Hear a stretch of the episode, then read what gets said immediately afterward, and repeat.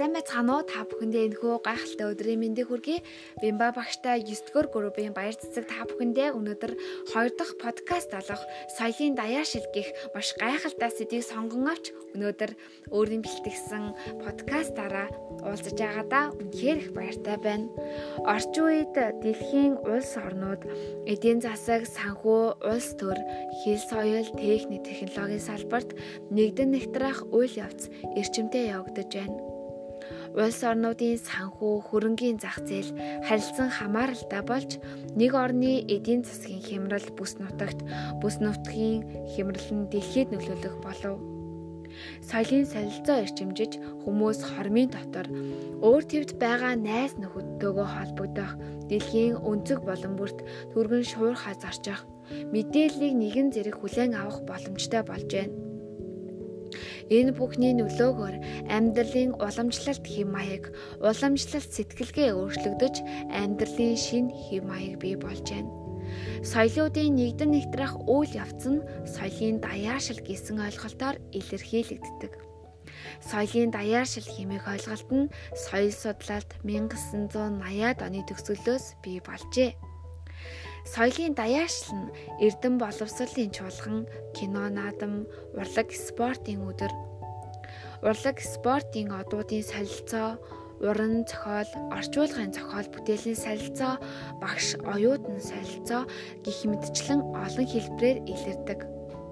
Харин соёлын даяаршил нь олон талын боломжийг бидэнд олгодгоороо онцлог. Жишээлбэл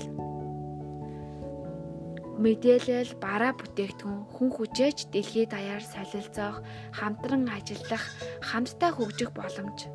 Хоёрт ямар ч төрлийн мэдээллийг хормхон зурд авах, өгөх боломж. Гуравт олон ургалч соёлыг дэлгэрч янз бүрийн соёлыг мэдрэх боломж гээд маш олон боломжуудыг соёлын даяашил гэдэг ойлголт маань бидэнд олгодог бэлээ. Соёлын даяаршлыг соёлын олон янз байдал, оршин тогтнол, аюул дагуулдаг хэмээн үзэх нь бий. Нөгөө талаас хүм хүн бүх талаар хөгжих боломж нь нээлттэй нэмэгдэж байдаг.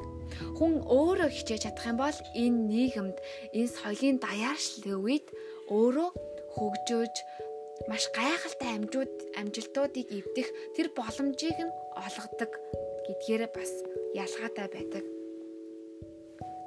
Тиймээс соёлын олон төрөл зүйлээс юуны төрөнд үндэсний соёлын өвөрмөц шинжээ хадгалах, үндэсний онцлогийг даяаршлын сулдалд алдахгүй байх нь чухал юм а.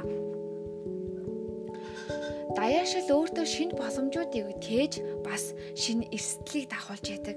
Альва зүйл муу болон сайн талтай байдаг шүү дээ. Яг үнтэй адилхан соёлын даяаршил гэдэг ойлголт нь сайн болон сөрөг талтай Эрсдэлтэй талаас нь нэрлэх юм бол өөрийн соёлын зарим үнэт зүйл амьдралын уламжлалт хэм маягаас татгалзах хандлагыг бий болгодог. Жишээлбэл бид гадаад улсад суралцахыг үнэхээр хүсдэг. Гадаад улсад очиод маш олон жил амьдраад монгол хэлээ өв соёлоо мартсан хүмүүс байдаг Энэ гэх юм бол харийн соёлд нэвтэрч уусаж нөгөө нэг соёлын даяашил гэдэг зүйлд маань өгцсөн байна гэсэн үг. Ийхүү альва зүйл хоёр талдаа байдгаас хойш хамгийн гой тал нь гэх юм бол ЮНЕСКОгийн соёлын төрөл зүйл соёл хоорондын харилцааг тэтггүй сэдвт дэлхийн дахны тайлан ихтгэлд хүн төрлөختний олон талд өвийн үндэс болсон соёлын харилцан үйлчлэлийн үндсэн гурван хэлбэр байдаг гэжээ соёлыг хуулбарлан дуурайх, соёлыг солилцоо, соёлын тулгаалт. Бид энэ гурван зүйлийг маш сайн мэднэ. Та бүхэн маань хэрвээ уушиж судлахыг хүсвэл 11-р ангийн сурах бичгийн 50 дахь хуудсыг хараад үзээрэй. Үнэхээр гайхалтай мэдээллүүд байгаа. Тэгвэл даяаршлын үеийн бодлого, үндсэн бодлого нь юу ийсэн бэ? Дэлхийн нийтийн хэмжээнд даяаршлын үед барих үндсэн бодлогыг доктортой хөгжлийн үзэл баримтлал юм гэж хүлээн зөвшөөрч байна.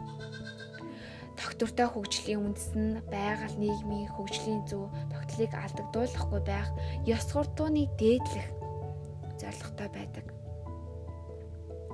Экосистемийн хүн хөнгүүгээр оршин тогтнож чадна. Харин хүн экосистемгүйгээр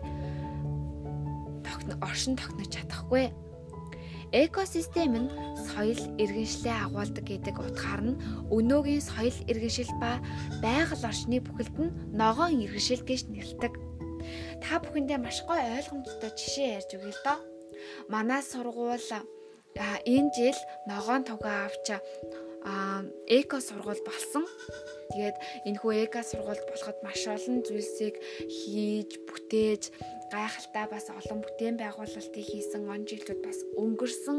Тэгээд эргээд харахад гэх юм бол манай сургууль маань үнэхээр гоё байгальтай болж чадсан энэ доктортой хөгжлийн бодлого гэдэг зүйлийг баримтласнаар бас маш олон давуу талуудыг бий болгодог юм болов гэж би хувьдаа харсан юм.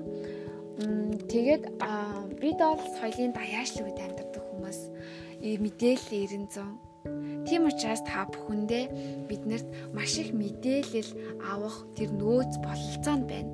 Тийм учраас та бүхэндээ ба та бүхэн өөрийгөө дайчлаад өөрийгөө хөгжүүлж гадаадд суралцаж гадаадд харин суралцахдаа өөрийнхөө Монгол үндэснийхаа төг соёлыг марталгүйгээр тэрийг соёлыг тээгээд соёлын адилсал болоод яваарай гэж та бүхнээсээ хүсэж байна. Тэгээ бүгдэнд нь амжилт хүсье. Дараагийн подкастаараа уулзъя. Баяр таа.